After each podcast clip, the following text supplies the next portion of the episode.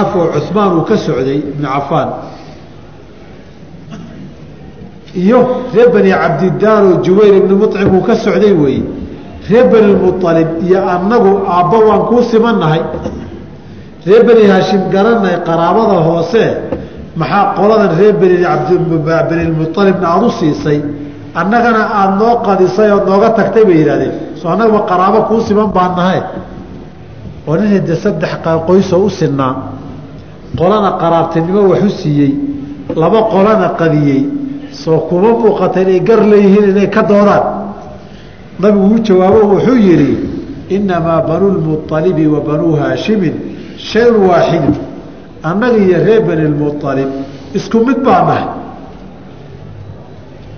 riwaayadka qaarkood baa ku daray lam yufaariquunaa fii jaahiliyatin walaa islaam. Jaahiliya islaam weligood reer beni haashim bay garab iyo hiilla u ahaayeen. Xataa iyagoo gaalo ahaa markii cunaqabatayntii shicbu abi aalibin reer beni haashim nabiga dartii loogu soo rogay benimualib waxay yidhaahdeen meesha lagu cunaqabateeyey beni haashim ka hari mayna meesha ku dhintaan baanu ku dhiman. Iyagoo gaalo ah.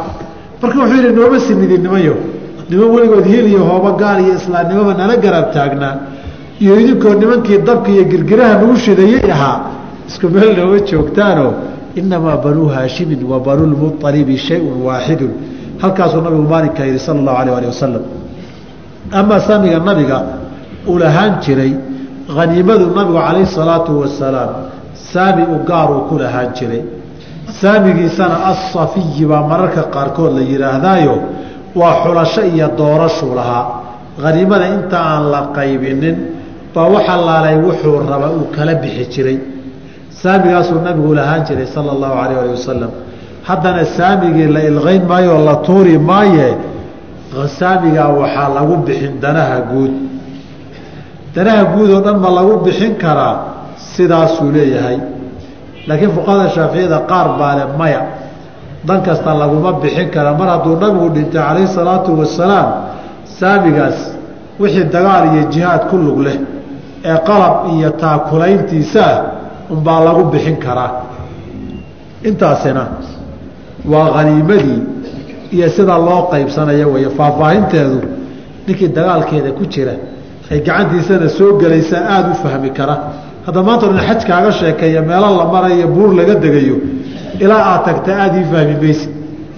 Maanta o dhan zake la bixinayo xoolaha sida loo qaybinayo xoolaha nool haddaan kaaga sheekeeyo ood magaalo joogtooda weligaa xoola nool baarag indhaha unbaa taagi haniimo haddaan faahfaahinteeda kuu galo asagaadan dadkeedii wax qaybsanayo dhadhabiye ahayn wax badan ka faa'iidi mayside. Mabaaxidta qaarkood waxaa la akhristaa. Markaad maqaamkeeda iyo meydaankeeda joogtay si fiican kaaga dhaadhici. Bismi illaah qadiyadii banu haashim iyo banulmualib iyo banu cabdishamsin qola afraad banu cabdidaar bay ahayd mise nawfal bay ahayd.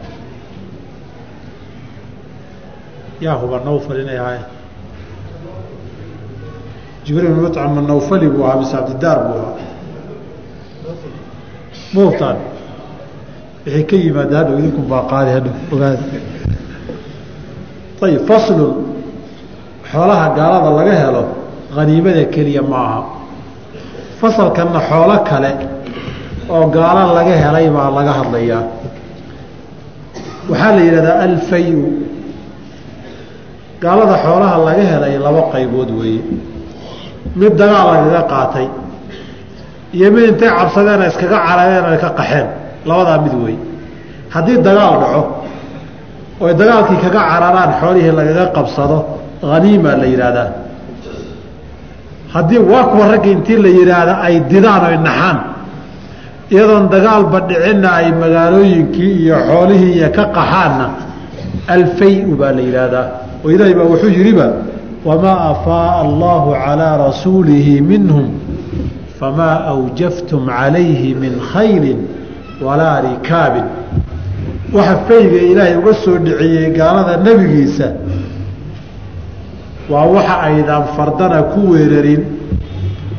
Geel iyo gaadiid kalena aydaan ku weerarin oo dagaal aydan ku qabsanin wey. Xooluhu haddaba alfay-u hadday noqdaan oo gaaladu dagaal la'aan ay ka cararaan ay ka qaxaan iyagana waa xoolo xalaal ah.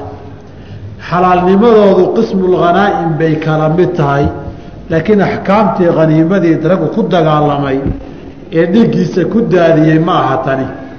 Oo xoolo si aada uga fudud laga helay see la yeelayaa maa afaa allahu calaa rasuulihi min ahli اlqura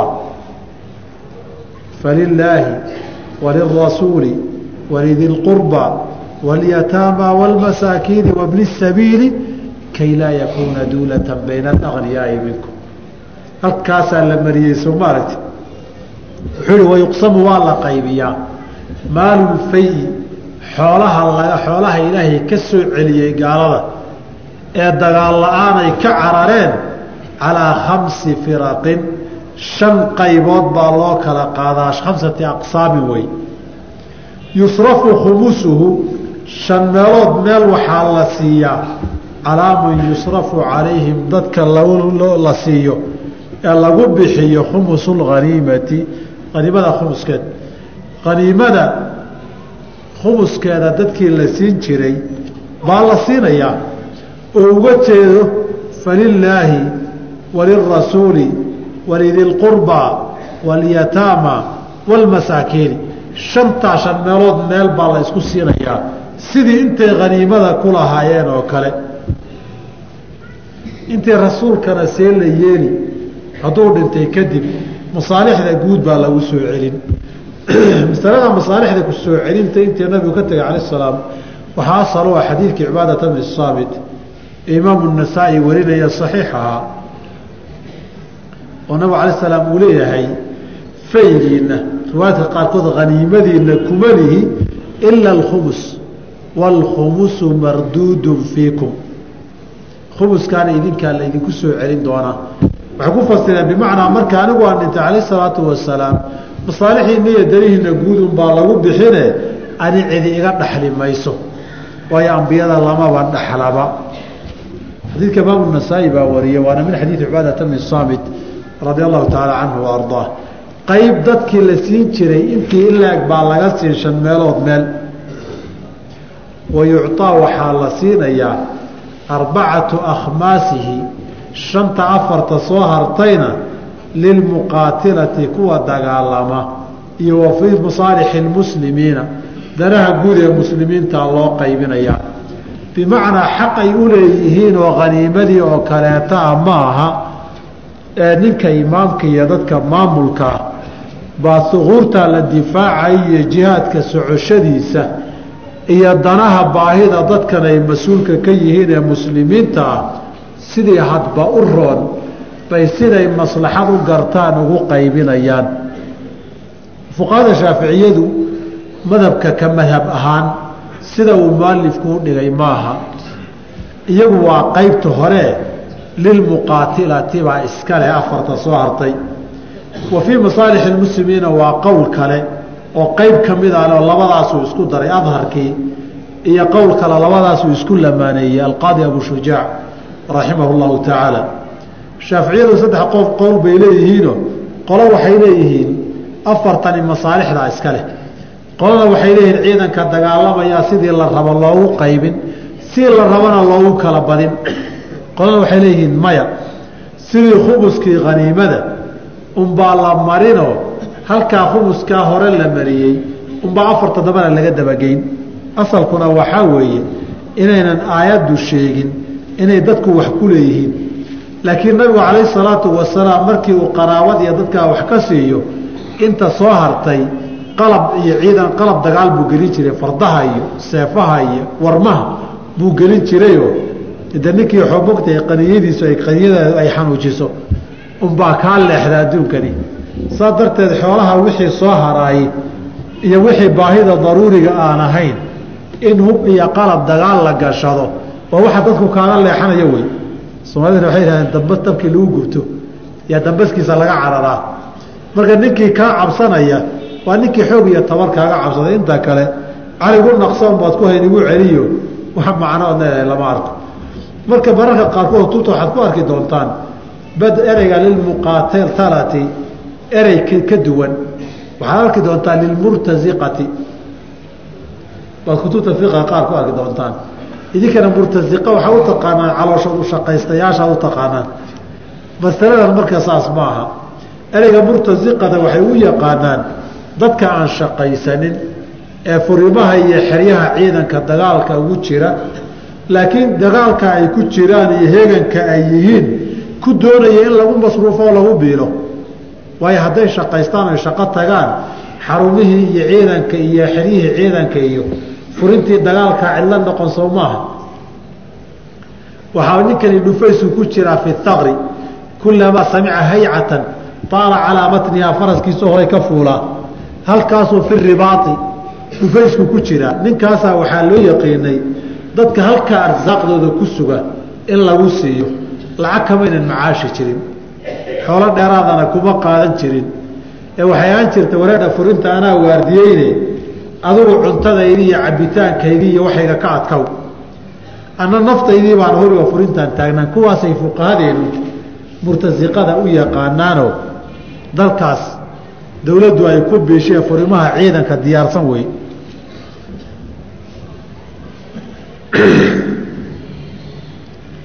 taa waa madhabka shaaficiyada fuqahada muslimiintu jamhuurto intooda kale waxay leeyihiin xoolahan afarta soo haray baytulmaalka iyo masaalixda muslimiinta iska leh.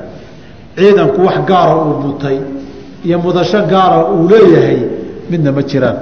Faslun weli dagaalkii baynu ku jirnaaye hadda xoolo la qabsaday baan ka hadlaynay soo maaha. Halkaa ila dhaqaalaa ka soo baxay dhul baa laga helay xoolaa laga helay. Horena waxaad u soo matay dad iyo dumar iyo carruur baa laga helay ciidan iyo xamaal baa laga helay. Maxaaba kugu dhimanayde haddaad kuwii beerta fali lahaa ka hesho. Caruurtii fii yaryaraydna aad ka heshee kuwa waaweynkaa markay daalaan bedeli lahaa. Haweenkii dumarka ahaayee kuwa kuwa ka dambeeya sii dhali lahaana aad ka heshay xoolihii lagu meelmari lahaayee xabadda lagu gadan lahaana aad ka heshay dhulna aad ka dhaxashay. Hade waxaa wey wajucila risqii taxta dilli rumxi sow maaha intaa maxaa dheer wax dheer baa jira. Qolo waxaa jirta iyagu il dhaqaalo noqda. Ummaddana hadhow ku dhex miilma. Annagu dagaal ma rabna yidhaahdeen mayow diintayada inaan haysanno oonaan idinla dagaalamin dadkana ku dhexno idinla noolaanaan doonaynaa.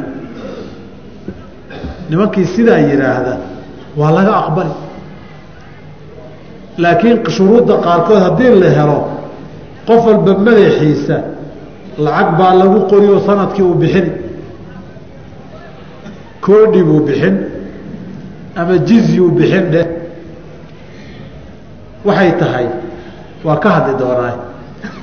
Wa sharaa'iu jujuubi اljizyati jizyada waajibinteed jibitaankeeda shuruudeedu khamsu khisaalin shan arimood shan shardi wey jizyadu markay waajibaysaay nabigeennana bay ka sugan tahay calayhi salaatu wasalaam kitaabka qur'aankaana waa sheegay ilaahay sooma dhihin qaatilu ladiina laa yuminuuna billaahi walyowmi اlaakhiri walaa biاlyowmi اlaakhiri walaa yuxarimuuna maa xarama allahu warasuuluhu walaa yadiinuuna diina alxaqi min aladiina uutuu lkitaaba la dagaalamo xataa yucطuu ljizyata can yadin wahum saakiruun ilaa jizyada ay ogolaadaan islaamnimo hadday diidaan nabigu markuu saxaabada kala dili jirayna waxa waxyaabuu dhihi jiray ka mid ahaa shahaadada islaamka ugu yeer hadday kaa diidaan waxaad ugu yeertaa jizyada inay bixiyaan oy nabad ku deganaadaan. Hadday diidaan khiyaarka saddexaad qaatilhum waa dagaal. Khiyaarka labaad haddaba hadday ogolaadaan nabad baa la siin. Jizyana waa laga qaadi. Qadarkeedu wuu ku iman doonaa iyo shuruudeeda. Saas darteed shuruud baa laga rabaa qofka laga qaadayo. Jizyadana xikmad baa ku jirta culimmada markay ka hadlayaanna xikan badan bay tiriyeen. Aniga moogtahay waxba igama gelin gaal baa ka xumaan. Taa waxba igama gelina moogtahay. Wixii yaallaba ma aha. Waayo waxaan rumaysnaya sharciga ilaahay waa xakiimo. Waxaan xikmad iyo maslaxad ku jirin maba jireeyo.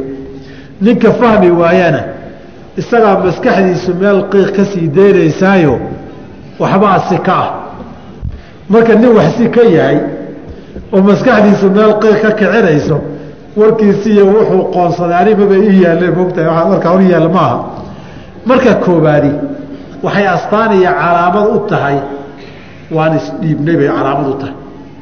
Inay isdhiibeen oy ogolaadeen in la maamulo oy mujtamaca muslimkaa hoos yimaadaan oy isaga talada iyo maamulka uga dambeeyaan oy wax walboo loo diro ogolaadaan horta waa ummad ku dhawaaqday inay isdhiibtay oy gacmaha taagtay oy dagaal ka cabsatay oy hoggaan iyo maamul ogolaatay. Can yadin wahum saakiruuna weeye marka. Iyagoo dullaysan oo in laga sarreeyo la maamulo ogolaaday bay bixinayaan. Midda labaadna xikmadda ku jirtay la yidhi ha laga aqbala loo yiri waxaa ka mida ile horta ninkan isagaaba cabsaday dagaal baan anigu diyaar u ahaa. Hadduu tan diidana dagaal baan diyaar u ahay. Isagaa cabsaday soo maa wuxuu u cabsadayna ama qolyo hore dharbaaxo ku dhacday buu arkay oo dhaban dhurwaatii ku dhacday. Buu ku waana qaatay. Ama inuu i birdhigi kari waayaba wahan baa ilaahay qalbigiisa geliyeyo waqadafa fii quluubihim rucba baa ku dhacday. Mar hadduu isagu cabsaday aniguna dagaalaan diyaar u ahaa waxaa la yidhi hadilinee daa hadduuba sii noolaado oo siiba joogo oo qur'aankii iyo diintii maqlo waxaaba dhici karta ilaahay inuu hanuuniyo xataa cadaabkii aakharana kaga badbaado. Halkaa xikmad baa ku jirto. Mar hadduu kula noolaado oo adiga ku hoos yimaado annaasu calaa diini muluukihim wey maxaa loo yihi muslimku intuu muslimiinta ka dhex baxo yuusan gaalo dhex degin oo laa tataraanaaraahuma xadiidka abi muuse loogu yihi haddii ummad laga qaalib noqdo badanaa ummadaasi ummadda ka qaalib noqotay bay ku dhex miilantaa. Genereeshinkooda iyo da-dooda dambana iyagaasay raacdaa mabda iyo diin ka dhigataa ee qaadataa. Ninkanna waxaa weeye isagaa iskaga miilmi doona. Isagaa tartiib tartiib islaamka in badan baa isaga qaadan doontee hadda haddii la dila naar buu geliye in ilaahay ku hanuuniyaa laga yaabaaye naxariis bay dhinacna ka dhigan tahay mid saddexaadna waa ku jirtaayo.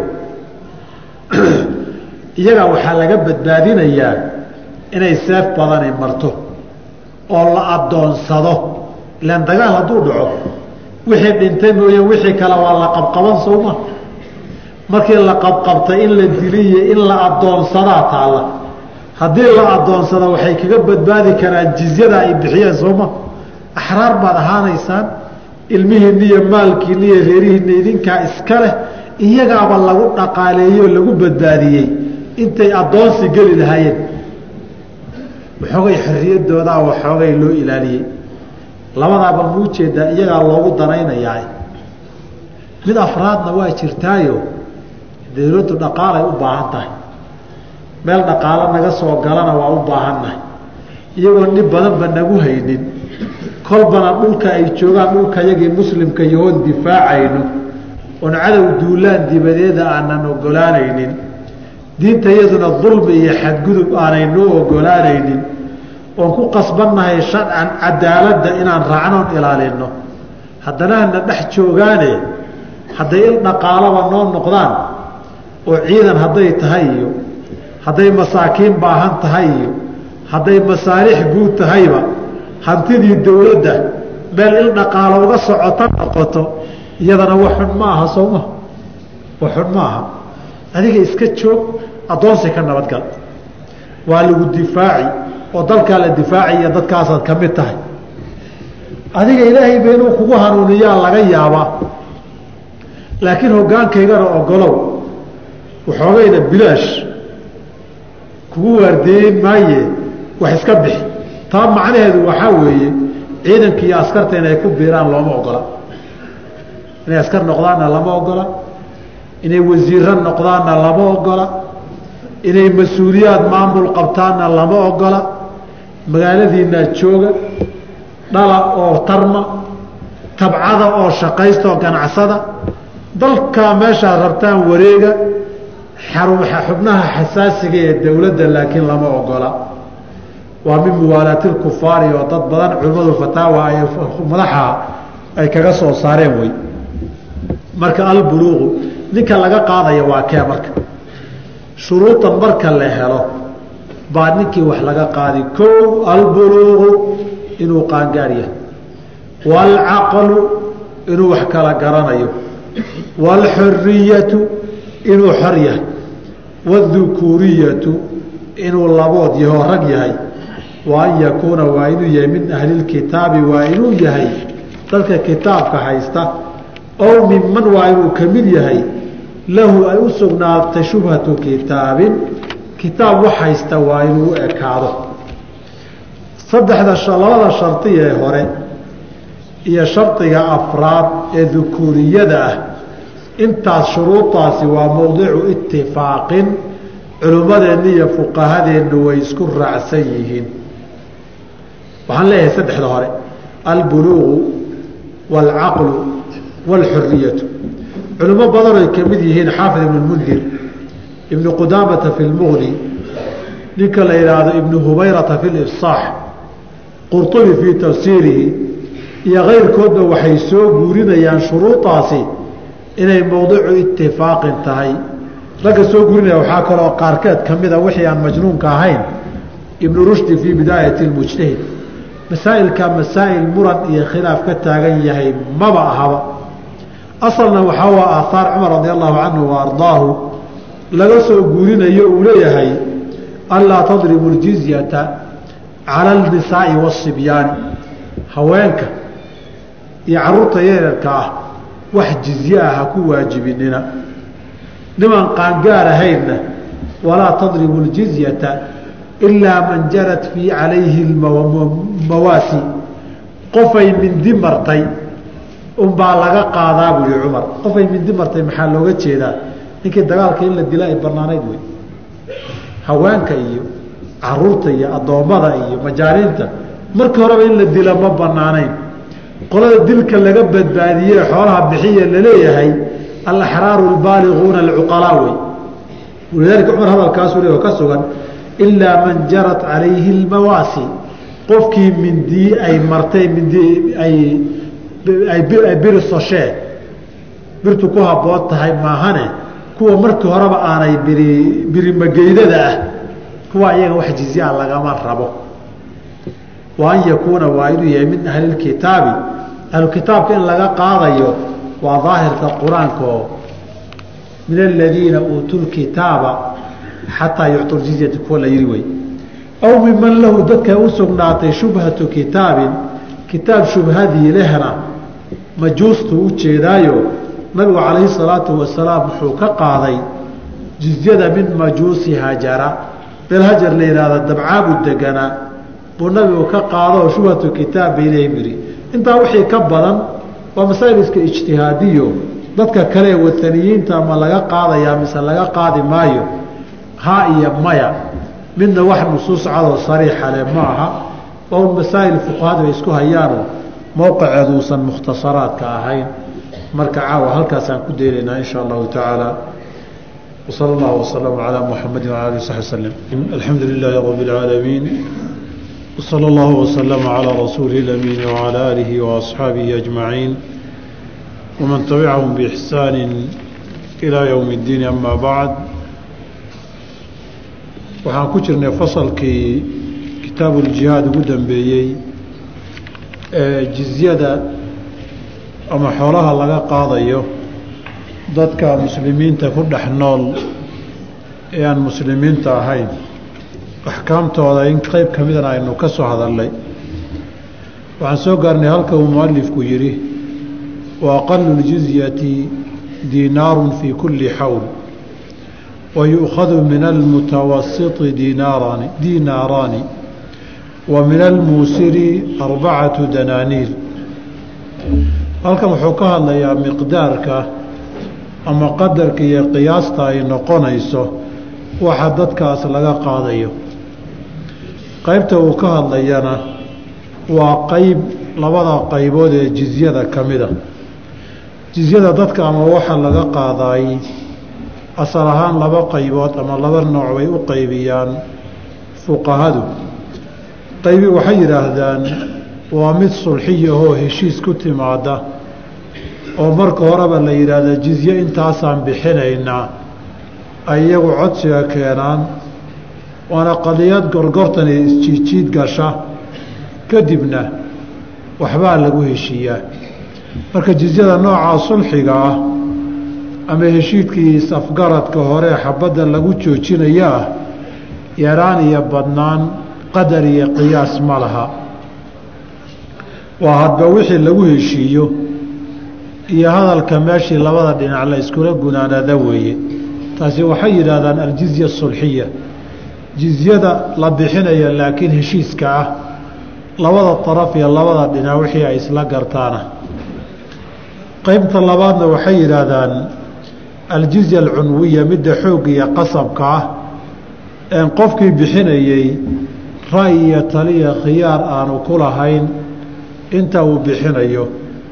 Ee marka hore heshiiska la gelayey ama jizyada la ogolaanayey qadarkeediiyo faahfaahinteeda aan laga wada hadlin. Oo hoggaankii muslimiintu markaa kadib dib uu ka soo qoondeeyey isagoo duruuftana ilaalinaya. Middaa labaad buu mualifka iyo mukhtasarkeenna abuusheekhalqaadi abuushujaac ka hadlay. Hadalkiisa waxa uu tilmaamay ugu yaraan bay leedahay laakiin ugu badnaan ma laha dadkuna say u tabariya kala dhaqaalaroo yihiin baa loogu kala badin karaa. Waxau yidhi wa aqalu ljizyati jizyada waxa ugu yari diinaarun hal shilin oo dahaba weeye fii kulli xawlin sanad kastaba. Halkaa wuxuu tilmaamayaa waa wax fuqahadu aan khilaaf badani ka jirin waxa ay bixinayaan sannadkii hal mar weeye. Hal mar bay sannadkii wax bixinayaan dadka bixinaya shuruudoodana cashirkii horeynu ku soo marnay. Marka ay bixinayaan sannadkii waxaa ugu yar hal shilin.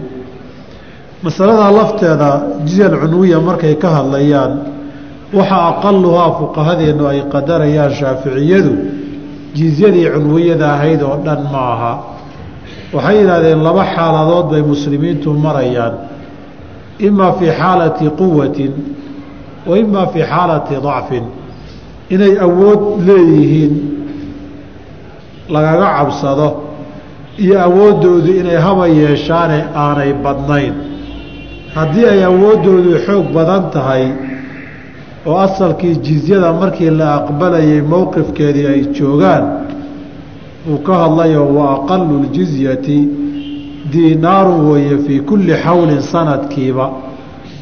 Arrintaa waxaa loo daliishaday nabigu calayhi salaatu wasalaam markii uu yaman mucaad u diray waxyaabihii uu amray waxaa ka mid ahaa an yaakuda min kulli xaalimin diinaaran aw cadlahu mucaafiriyan. In qof kastaoo qaangaara uu ka qaado hal shilin oo dahaba ama dharka mucaafirta la yidhaahdo xilligaa la isticmaali jiray wax shilin dahaba u dhigma qiimo ahaan. Halkaase waxay ka tilmaameen nabigu amarkuu bixiyey maadaama diinaarun hal shilin uu ahaa sanad gudihii labiyo tobanka bilood hal shilin oo dahaba bixi wax weyn meehe in laga yareeya ma banaana halkaasay fuqahadeenna shaaficiyadu raxmatullaahi calayhim ku saleeyeen qisada mucaadna lafdigaasi walow sunanku ay wariyeen laakiin waa lafdi saxiix oo khabarka ku sugan wey wayuukhadu waa laga qaadaa min almutawasiti qofka dhaqaalihiisu heer dhaxayaheen aada taajirka u ahaydna diinaaraani laba shilin baa laga qaadayaa wa min almuusiri qofka qanigee maalqabeenkaana arbacatu danaaniira afar diinaaroo shilin baa laga qaadayaa arrintan taqdiiraadka kale wax lafdi oo daliil khaas ah ma leh laakiin waa aahaar cumar ka sugan oo laga wariyey radia allahu canhu wa ardaah. Xilligiisii inuu xilliyada kala duwan heshiisyo kala duwan uu la galay. Shuruudii cumarige bay haddaba ka mid ahayd.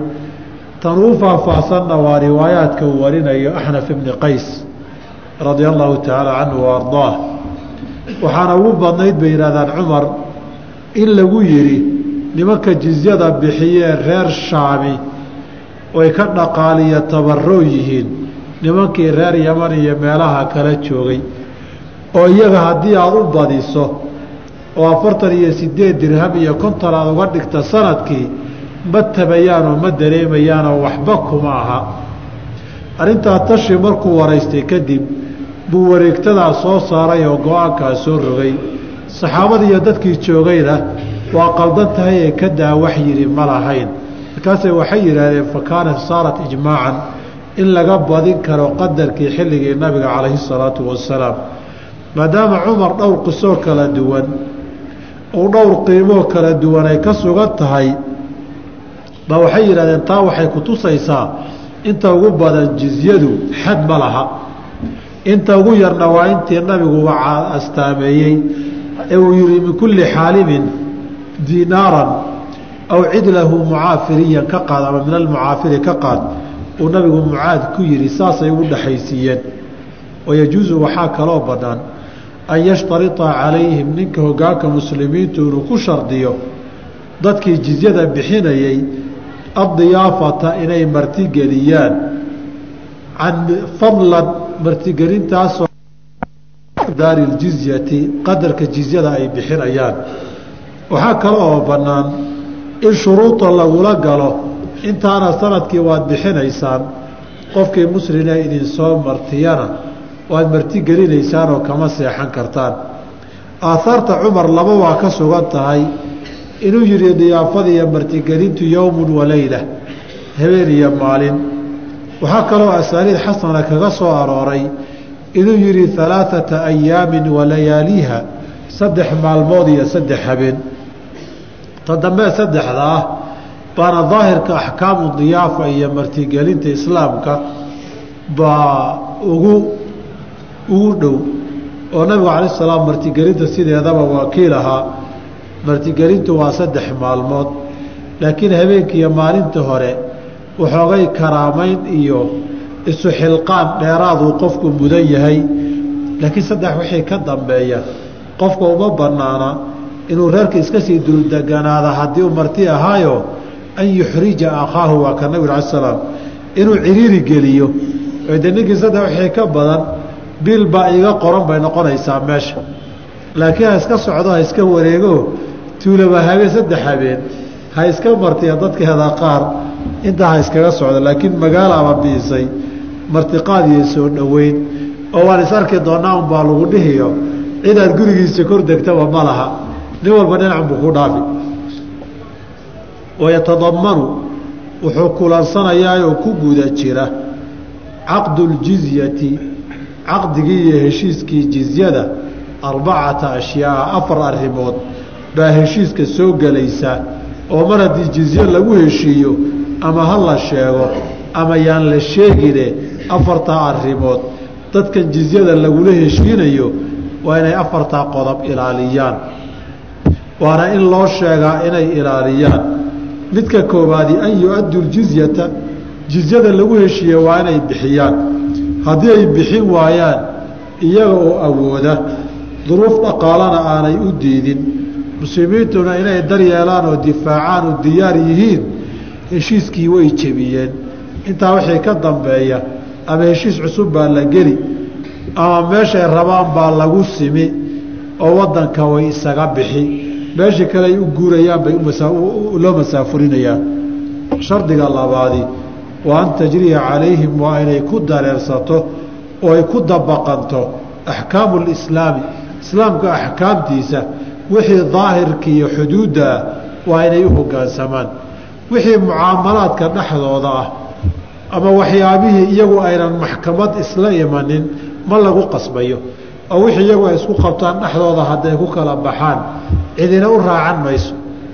Haddii laakiin aysa soo dacweeyaan oo isqabsadaan iyo daahirka guud axkaamta islaamka waxyaabaha banaanka iyo aswaaqda banaanka ee muslimiinta lala imanayo waa inay axkaamta guud ee shariicada u hoggaansamaan saa in la yidhaahdaay nabigaaba xuduudii rajmi ku fuliyey yahuudiyan wa yahuudiyatan zinaystay xilligiisii sala allahu calayh waalihi wasalam horeyna baabu rajmi lmuxsan markaa soo maraynay baynu ku soo tilmaanay. Amaa iyaga waxa dhexdooda ah in iyaga loo daynayo wixii diintooda xalaalku ah ama sigaar ay cabbaan ha noqdo ama khamri ay xaafadahooda ku dhex cabbaan oyna bannaanka keenin ha noqdo ama suuqa ganacsi aanay soo dhigin ha noqdee hoos loo faragelin maayo. Oo cumar baa waxaa ka sugan radia allahu canhu wa xilligiisii in jizyadii laga qaadayey ay qaarkood yidhaahdeen wax kala ma hayno khamrigan aan haysanaaye naga qaata. Cumaraa loo yimidoo waxaa la yidhi nimanka jizyadii lagu lahaa khamri ma uga qaadi karnaa. Markaasuu wuxuu yidhi maya wulluuhum baycahaa iyaga ha soo gadaan oo lacag ha idin keenaan. Markaa lacag ka qaata idinku.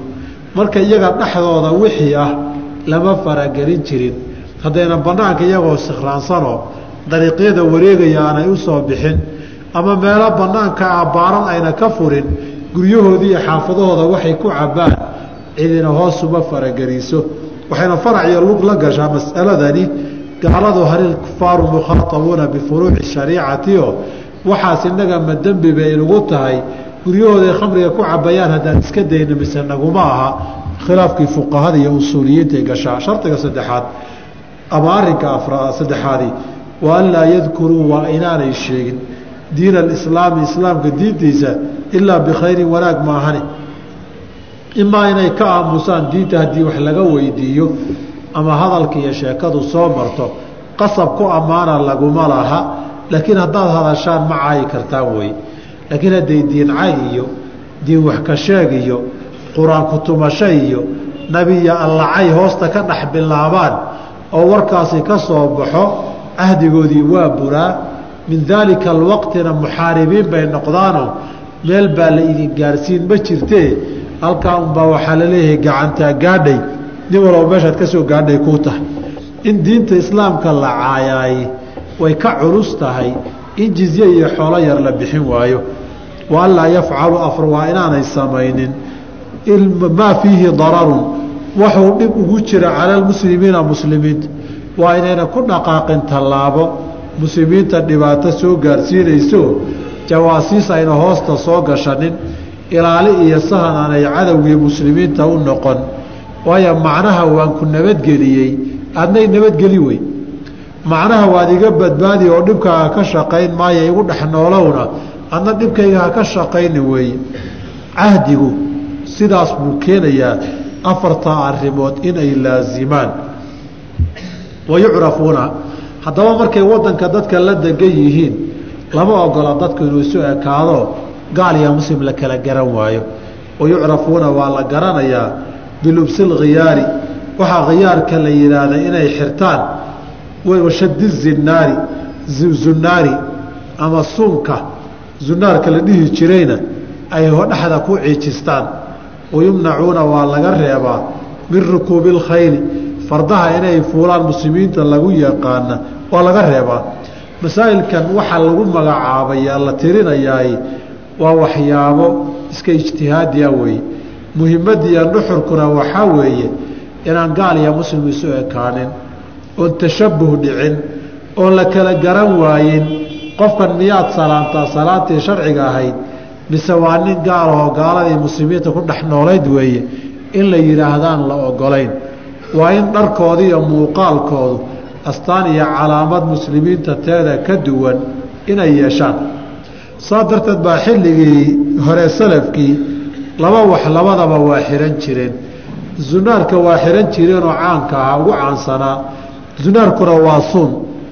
Suun bay xihan jireen midaba leh oo maryaha ka koreeya oo sunkaa markii aada aragto aada garan jirtay ninkani inuu ahlu dimadii iyo muslimiinta dadkii ku dhex noolaan yahay sideedaadna ula macaamili jirtay.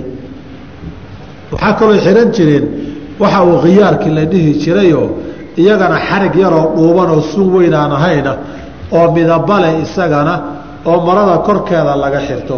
Taasi raggii haddii ay tahay dumarkana maro dheer oo ama nitaaq ama xisaam waxaa tidhaahdaba booskii khiyaarka iyo zunaarka gasha bay xihan jireen laakiin hoos bay ka xiran jireen. Daraf daraf dheer oo lalmadoo bannaanka laga arkana way soo reebi jireen. Wax muslimiinta iyo gaaladaasi tashabuh inuu ka dhaxeeyo midaan la ogolayn weeye. Saa darteed sayna dadka uu qasmin mucaamalaadkana loo kala garan waayin rag iyo dumarba hadba astaan wixii dooniba xilligaa ha laysku afgartee in loo sameeyo weeye ujeeddadu intaasi haddii ay astaanta iska lahaayeen iyaga la yidhi dharkii muslimiinta ma xihan karaan oo tashabuha laga cararay isku dhex qaldamayaan muslimku dharkoodii inuu xirtay isaga ka waranoo suunkii gaalada lagu yaqiinay dhexda uu ku soo xirtay ama saliibkii uu laabta ka soo lalmistay waa astaan gaalo lagu yaqaana ama tawaa'if ka mid ahe iyada ka waran masalada amaa inay xaraam tahay fuqahadeennu iskuma qaban iskumana maandhaafin waxayna u deliishadeen xadiidkii nabiga calayh salaatu wasalaam ibni cumar iyo keyrkii laga wariyey ee uu dhihi jiray waman tashabbaha biqowmin fa huwa minhu. Qolo qofkii isu ekeysiiya iyaguu ka mid yahay. Haddii laakiin uu falkii sameeyo inuu dambaabay la garay diinta ma kaga baxayaa masalada waa masalo fuqahadu si adag ay isugu qabteen. Halka fuqahada xanafiyada iyo maalikiyada iyo qeyb shaaficiyadiihi ay ku tageen in qofkii zinaarkaa lagu arko ama saliibka isagoo qaban la arkaay xukima biriddatihi inuu gaal yahay baa la xukumayaa dhiiggiisana xalaal buu noqonayaa ay yidhaahdeen baa madhab ahaan sida aharka ama raajixu ah shaaficiyada ee nawowiya ay rajaxayaan iyo xanaabiladu ay yidhaahdeen waa macsiyo ee kufri ma aha haddii uusan waxan kalgacayl u xiranin hadduu laakiin astaantii gaalada kalgacayl u qaato de ninkaasi waxay yidhahdeen isagu waa gaaloobay. Fuqahada shaaficiyadu hal xaalad bay madhab ahaan ka soo reebeen oo yidhaahdeen laba gooraba waa gaaloobayaan. Hadduu astaantii gaalada qaato daartay ku cibaadaysanayeenna ku aadoo meeshay tago isaga fuqahada shaaficiyadu way soo reebeen. Waxay dhaheen ninkaasi labada uu isku daray baa gaalnimo inuu doortay caddaynaya. Calaamadoodiina waa xirtay. Daartii cibaadadoodana waa aaday. Oo calaamadiibuu ku aaday. Ninkaasi fuqahada shaaficiyada jamhuurtooda waxay ku tageen inuu gaaloobay. Madhabka aan niraahna sida raajixa ku ah inuusan gaaloobin wey laakiin fuqahada shaaficiyadu waxay u badan yihiin inuu ninku gaaloobay marba haddii sunkii gaalada u xirto ama saliibkii laabtiisuba ka muuqato walidaalika nawowi isagoo rajaxaya inuusan gaaloobaynin haddana wuxuu leeyahay qaala alakaruuna asxaabta yada badankoodii waxay yidhaahdeen annahu yakfuru. Ninka waa gaaloobay bay yihahdeen marka qastaanta waxay ku daraan afcaasha riddada keenta maxay tahay? Markay ka hadlayaan waxyaabaha hadduu qofku ku tallaabsado musxaf qashin lagu daray sanam loo sujuuday iyo ama musxaf lagu istaagay iyo waxay yidhaahdeen aw an yashudda zunaara calaa wasaihi inuu calooshii dhexda ku xirta astaantii gaaladana kafara cinda akari shaaficiyati. Laakiin ka qawaacid madhabaan dhinaca kale rajaxayaan kalagii tanqiixa labaad sameeyeye raafici iyo nawowi raggii lamidka ahaa. Intaas baynu kaga bixi kitaabu ljihaad halkan waxaynu ka gelaynaa kitaabu saydi wadabaayix wuxuu kitaabkani ku saabsan yahay asaydi ugaadha iyo wadabaayixi xoolaha gowracooda ugaadha iyo xoolaha guryaha joogaba gowrac iyo axkaamtiisa iyo saydi ugaad ugaadha iyo ugaarsiga iyo maxa banaan iyo waxaan banaanayn masalada haddaba kitaabu saydi wadabaayix waxoogay yaroo gaaban buu ka soo qaadaye. Haddaynu waxoogay horudhaca ka sameeyo waxaynu leenahay asalka laba mas'alo inaad kala saarta weeye. Dadka dalabadaana marar badan bay tashaabuh iyo iska hoos galaan saydka waxaan leenahay xayawaankeebaa la ugaarhsan karaa? Alaslu fi saydi alibaaxatu xayawaan kasta oo duur jooga inaad ugaarhsan karto ood raadsan karto asalku inay bannaan tahay wey. Xayawaanka markaan saa leenahay mas'alo kaleo waxaa jirta ah alaslu fi dabaa'ixi alxurmatu waalaslu fi saydi alxillu waalibaaxatu xayawaankan ma la ugaarhsan karaa hilibkiisusa ma bannaan yahay hadday su'aali timaado asalku inuu bannaan yahay weeye. Ilaa daliil xaaraantinimeynaya la helo. Xayawaankii sidaa u bannaanaa hilib diyaarsan haddaan arko ma cuni karaa alaslu laa ilaa si sharciga in loo gowracay ay caddaato. Waxna waa bacda dabxi waxna waa qabla dabxi midna waxaa lagu leeyahay wuxuu ku banaanaan karaa hilibkan oo keliya ariiqadii sharciga ahayd in loo gowraco. Marka horena waxaa laga hadlayaa xayawaanka haddii sharci loo gowraco bannaan waa kee asalku xayawaanaadka dhan way bannaan yihiin. Sidaasay yidhahdaan laakiin warka intaa kadib marka la soo loo soo noqdo waxaynu leenahay xayawaanku waa laba qaybood. Qaybna waa xayawaan bari ah qaybna waa xayawaan baxri ah. Xayawaanka baxriga ahi markii labada aan ka dhigno fuqahada ikhtilaafkooda haddaynu eegno qayb saddexaad baa ka soo dhexbixi oo labeeb ah. Bad iyo biyaba biyo banaanba ku noolaata. Marka saas darteed aynu soo celinno waxaan leenahay qismadu hulaafiya saddex qaybood weeye xayawaan baxri ahoo meelaan biyahayn kuma noolaan karo. Xayawaanna waa bari oo biyo maba ku noolaadee banaanunbuu ku nool yahay. Xayawaanna waa xayawaan biyihiina ku nool markuu rabana banaanka ku noolaada waa midkay fuqahada qaarkood u yaqaanaan albarmaai. Bari oo banaankii ah iyo maaun oo biyihii ay isku lamaaneen hal kelimad ka dhigeen oy tarkiiba ka sameeyeen oo yidhaahdeen. Alxayawaanu albarmaai. Barigii iyo biyihiiba waa ku nool yahay labadaba. Xayawaanka baxriga ah ee badda ku nool daahirka naska kitaabka iyo sunnadu waa inuu xalaal yahay weeye. Gowracna aanu u baahnayn anwaacdiisoo dhanna ay wada xalaal tahay nabigan ala slam badda markii la weydiiyey biyaheeda baa wuxuu yihi huwa ahuuru maauhu alxilu maytatuhu. Xadiidka abi hurayra. Baktigiisoo dhan waa xalaal wey mar kalena xadiidka ibni cumar waa kii uu ku yihi nabigu sala allahu alayh wasalam uxilat lanaa maytataani wa damaani. Almaytataani faasamaku waljaraadu. Kalluunka badda ku jira wey ilaahina subxana wa tacaala si mulaqu u baneeyey oo wuxuu yihi uxila lakum saydu lbaxri wa طacaamuhu mataacan lakum. Waa laydiin baneeyey. Xayawaanka baxriga ah fuqahada qaar baa wax ka soo reebreeba. Qaar waxay yidhaahdeen shaaficiyada qaarkoodii waxa dawaatu sumuumka ahe masaska iyo maska badda iyo abeesada badda iyo ha laga daayo. Qaarna waxay yidhaahdeen wax adduunka najaaso ku ah wixii shakligiisa leh ha laga daayo khinziirulbaxri iyo kalbulbaxri iyo xaraan ha noqdaan. Qaarna waxay yidhaahdeen wixii suuro aadama le gabramaayo haddayba jirto weeye isna hala xaaraantinimeeyo waxaasoo dhan waa aqwaal daciifa oon wax mustanad iyo daliil sharciga lahayn weeye. Sharcigu waa la camimay alxilu maytatuhu faama almaytataani fasamaku waljaraadu uxila lakum sayd lbaxri wa طacaamuhu mataacan lakum walisayaarati intoo dhan waa la xalaaleeyey. Xayawaanka qaybta labaadi waa qaybta bariga ah ee banaanka joogta. Qaybta bariga ee banaanka joogtana waxay u qaybsamaan laba qaybood. Qayb dhiig xubnahooda ku dareera leh oo markii la dilay dhiigii ka daato iyo qaybaan dhiig ka daadanin oo waxyaabaha yaryarka ee duula ah. Waxyaabaha yaryarka ee duula asalku waa jaraad baa la yidhaahdaayo waa inuu bannaan yahay wey ayaxaas iyo balka kabajaanka la yidhaahdiyo waxaan roobku markuu da'a duuliyo waa wada xalaal. Adoo haddaadan cunin dad baa jacaylka ay u qabaan gawaaridu dishaa laamiga nalka markuu ka cayrsanayo laakiin maalinkii igu yaabadnayd maalinkan suuq soo maray buu ahaa. Magaalada kambala ku yaalla waxaan u maraya nineteen ninety seven mise nineteen ninety eight bahayd baa waxaan soo maray suuq. Suuqaa waxaa laygu sheegay in waxyaabo badan oo kabajaanka iyo wax yaryarka ah intii la soo solo oo waxoogay saliid lagu daadiyo oo si fiican loo soo dugo in jawaano isagoo ku jira lagadaa lai sheegay. Waxaa rideeda suuqaa ka wardoon.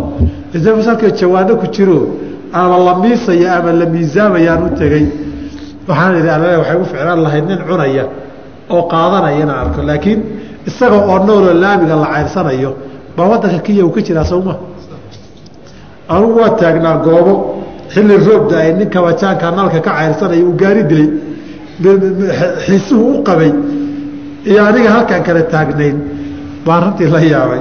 Laakiin macnaheedu aniga waxaan kama helo ma jecli ama anagu ma cunno xaaraan kuma noqdo. Marka asalku waxyaabahaas aljaraadu wey nijaasana ma ahano haddii uu dhinto ma nijaasoobo in la gowracana uma baahna. Inuuse hadduu dhinto nijaasoobin waxaad ku garan daqsiga waxaa la yidhi hadduu idinkaga dhaco wada tiimbiya garab buu gaaru hayaaye. Kadibna iska tuuro wixii nacabba baktigu nijaas buu ahaan jiraye waxaan dhiig dareera lahayni baktigooda nijaas maaha kaasna waa waxyaabaha yaryarka ah waxaa soo haray qaybta wixii dhiig leh xayawaanka bariga keliya ku nool.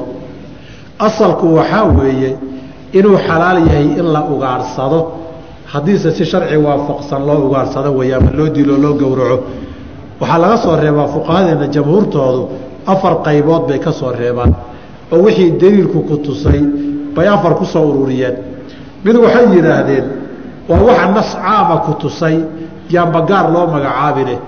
Markii nabigu nabigu alai slam uu lahaa nabigu wuxuu reebay can kulli dii naabin min asibaaci wadii mikhlabin min aayri xawayaan kastaoo duurka jooga oo miciyo wax ku ugaarsadoo ku dila sida libaaxii shabeelkii haramcadkii dawacadii weligaa wad kuwaa miciyaha ku ugaarsada.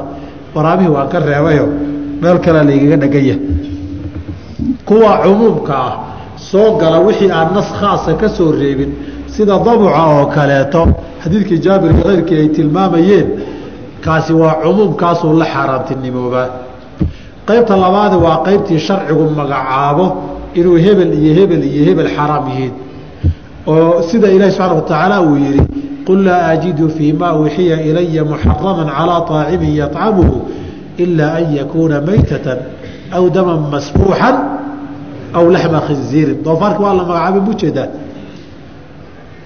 waxaa kaloo la magacaabay nabigu ala salaam inuu dameero dad guri saxaabadoo qalatay uu yimidoo yihi daadiya weelashana jejebiya oo uu ka reebay dadka yowma khaybara oy markaa ku baryootameen weelasha aan dhaqanno oo markaa uu yihi dhaqa marka. Haddaba waxyaabaha sharcigu gaar u magacaabayna iyagana waa xaaraan hilibkoodu. Waxaa soo haray wax kastaoo sharcigu uu reebay in la dilo oo sharcigu xaaraantinimeeyey in loo dhowaado iyagana ma banaana hilibkoodu. Waayo hilibka waxaa la cunaa markii la dilo kadib. Haddii aan la dilin de hilibkooda in la cuno ma banaana nabiguna in la dilaba waa reebay. Sidii xadiidka ibni cabaas ibni maajah iyo keyrkii warinayeene xasankaa in nabigu uu reebay can qatli arbacati ashyaa. Shan in la dilo waa reebay. Riwaayaadkuna qaarka waxay isku ururiyeen shan buu noqday afar buu yidhi. Riwaayaadka lafdigu waa afar laakiin inta la tiriyey shan weeye shimbirka hududka la yihahda waa la diiday. Baalka raha la yidhahdana waa la diiday. Shinidana waa la diiday. Quraanjadana waa la diiday shimbirka ka surud surad la yihahdo madax weyn oo dhabarkana cagaaran say ku tilmaamaan anuma garanayee isagana waa la diiday. Shantaa nabigu in la dilo waa xaaraantinimeeye calayhi salaatu wasalaam. Haddaba iyagana waa xaraam.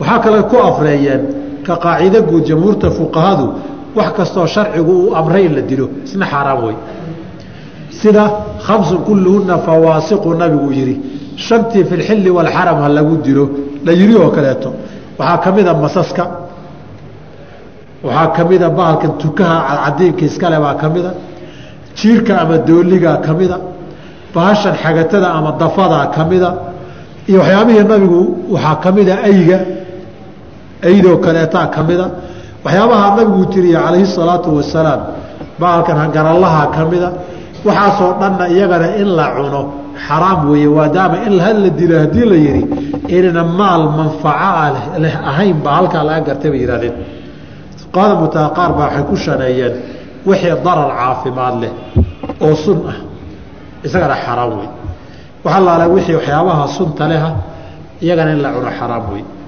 soomaalidu laba wax isku qasaan wadaadadeenniyo sharcigu wuxuu xaaraantinimeeyey wuxuu xalaaleeyey iyo wax dawaatu sumuum ku jira oo qaacidada waxyaabaha daraarta leh oo laa darara walaa diraara loo daliishaday baasha maasacagalayda la yihahdo wey dad badan baa adabbu baa la cunay marka la yidhaahdo bay maasacagalayda moodaan.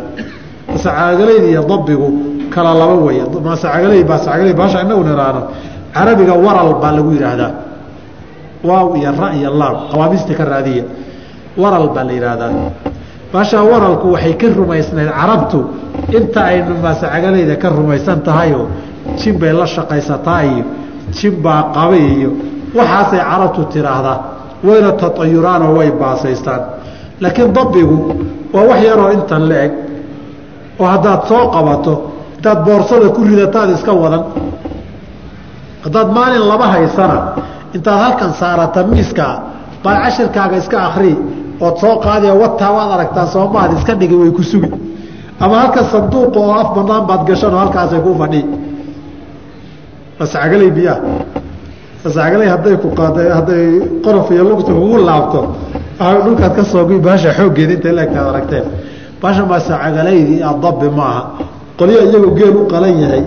Baahaydee sunadaan dabaqaynaayo. Markaasay maasacagaley bay disheen sunaan dabaqaynaa bay yidhaahdeen horta maasacagaley in la cuna xataa haddayba daba iyadii noqon lahayd ma sunnaha? Maya in la cuno sunno maaha. Way bannaan tahay dabbigu. Masacagalaydu hadday run noqoto inay min dawaati sumuumi ka mid tahay de qismulxaraam bay geli. Laakiin aibadaa la weydiin wixii dawaatu sumuuma ragga ka warqabe aqoonta u leh baa la weydiin. Baasha dabbiga marka la yidhaahdo hadda macalimiintii nimankii noo ahaa baa noo keenay iyagoo wada markaasay miiska soo saareen anu dhulka soomaalida inaha aan marmaray kuma arag adabbi kuma arag. Muuqaalka iyada maasacagalayday u yarag tahay laakiin aadna way uga yar tahay. Waana miskiin god bay ku carartaa godkaa la qodaa dabadaa la soo jiidaa waa la soo saaraa maraad ku duubi gurigaa dhigi. Waxay noo sheegeen marka maalinkii igu yaab badnaa wuxuu ahaa nin macallin noo ah wuxuuna yidhi baashani waad gowrici oo madaxaad ka goyn oo calooshaad ka saari markaasaad faranjeerka gelini markaasaad wiig iyo laba wiig kadib baad baad inaad karsataad rabtaa. Si haragga aad oga bixiso waa inaad biyo karkaraya ay muddo ku jirtaa. Biyaha karkaraya markaad digsiga ku rido waa inaad daboolka wax culus oo biriya dhagax weyna dusha ka saartaa. Haddii kale markay aada u kululaato intay soo booday labada gebi ku qabsata lugaha bay bahalka kala tuuri buuri markuu sidaa yidhi anaga waxaa la yaabanahay ninkan baashas uga sheekaynayo. Mid yarna arday nala ahaa oon filaya inuu siraalyoon ahaa.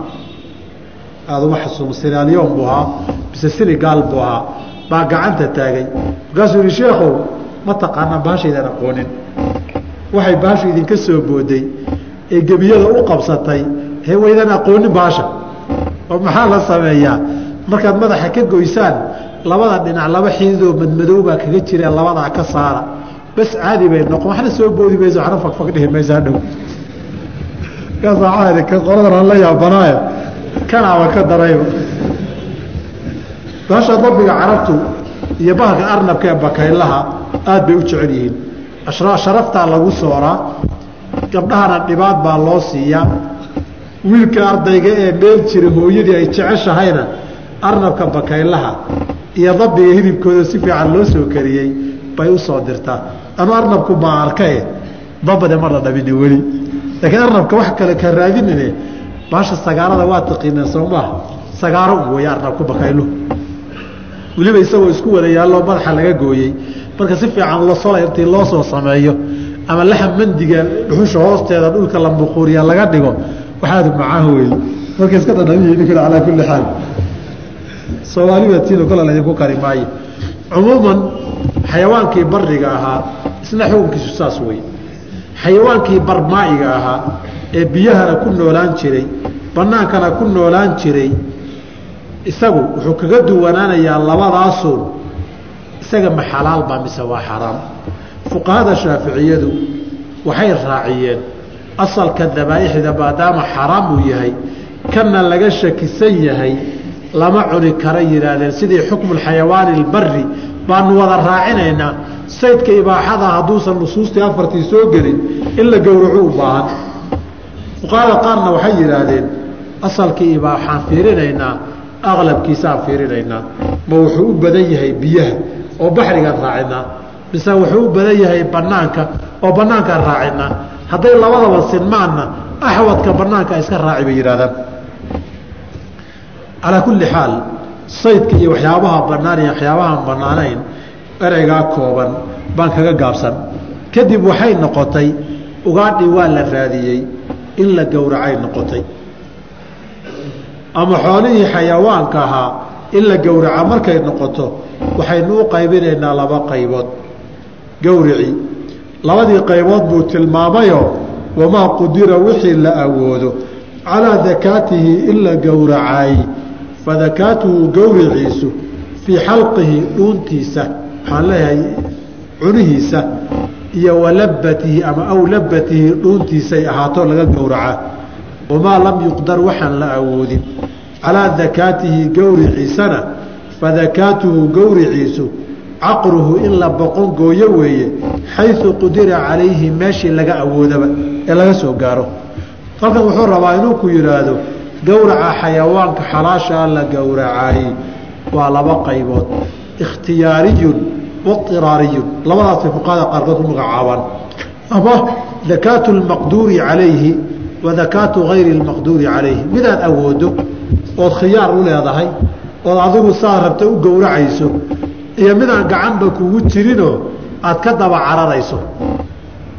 Kan khiyaarka aada u leedahay fadakaatuhu fii xalqihi wa labatihi wey. Alxalqu waxaa la yidhaahdaa halkan kore weeye ee cunaha iyo dhuuntu ay ku soo dhammaatee lafta garka ay ka gasho. Halkaasa alxalqu la yidhaahdaa. Walidaalika tajwiidka markaa baranaysaan baa xuruufulxalqi marka lagu yidhaahdo? Intan weeye sowma allabatuna halka hoosee dhuunta ahe labada labood eefoodee kalxamuhu isaga yimaadaanna halkaa dhuunta hoosaana waxaa la yidhahdaa allabatu baa la yidhahdaa marka waxaynu leenahay cunaha iyo dhuunta weeye alxalqatu fii xalqihi wa labatihi labadaa mid baa laga gowracaa labadaa kee baa laga gowracayaa labadu way bannaan yihiin. Inaad tan hore ka gowracdo xayawaankao dhan waa bannaan tahay. Inaad taa hoose ka gowracdana way bannaan tahay. Laakiin waxay yidhahdeen waxaa fiican fuqahadeennu geelana. Inta hoose aad ka gowracdeen dhuunta hoose ah lood iyo arigana inaad halka ka gowracdaa sunno ah oo fadli badan bay yidhahdeen haddii la yidhi maxaa u daliila? Qur'aanka ilaahay baa sheegay bay yidhahdeen markii laga hadlaya lo-da gowrac baa la sheegay ee naxri lama sheegin. Halkaa markii dhuunta laga gowracaya naxri baa la yidhaahdaa. Halkana marka laga gowracayo dabxi baa la yidhaahdaa. Labadoodoo iswatana dakaatun baa laysku yidhahdaa oo soo gudagalaan markii lo-da laga hadlaayey ilaahay sowma dhihin bay yidhahdeen ina allaha ya'murukum an tadbaxuu baqaratan loo inaad gowracdaan gowracu halkan dhuuntas halkan sokee halkan sokee waxaa weeye cunaha ah arigana nabi ibraahim markii wiilkiisa gowrac la yidhi neef ari ah lagu furtay ilaahayna wuxuu ihi wafadaynaahu bidibxin cadiimin gowrac inay ta halkaa way ka muuqataa sow maaha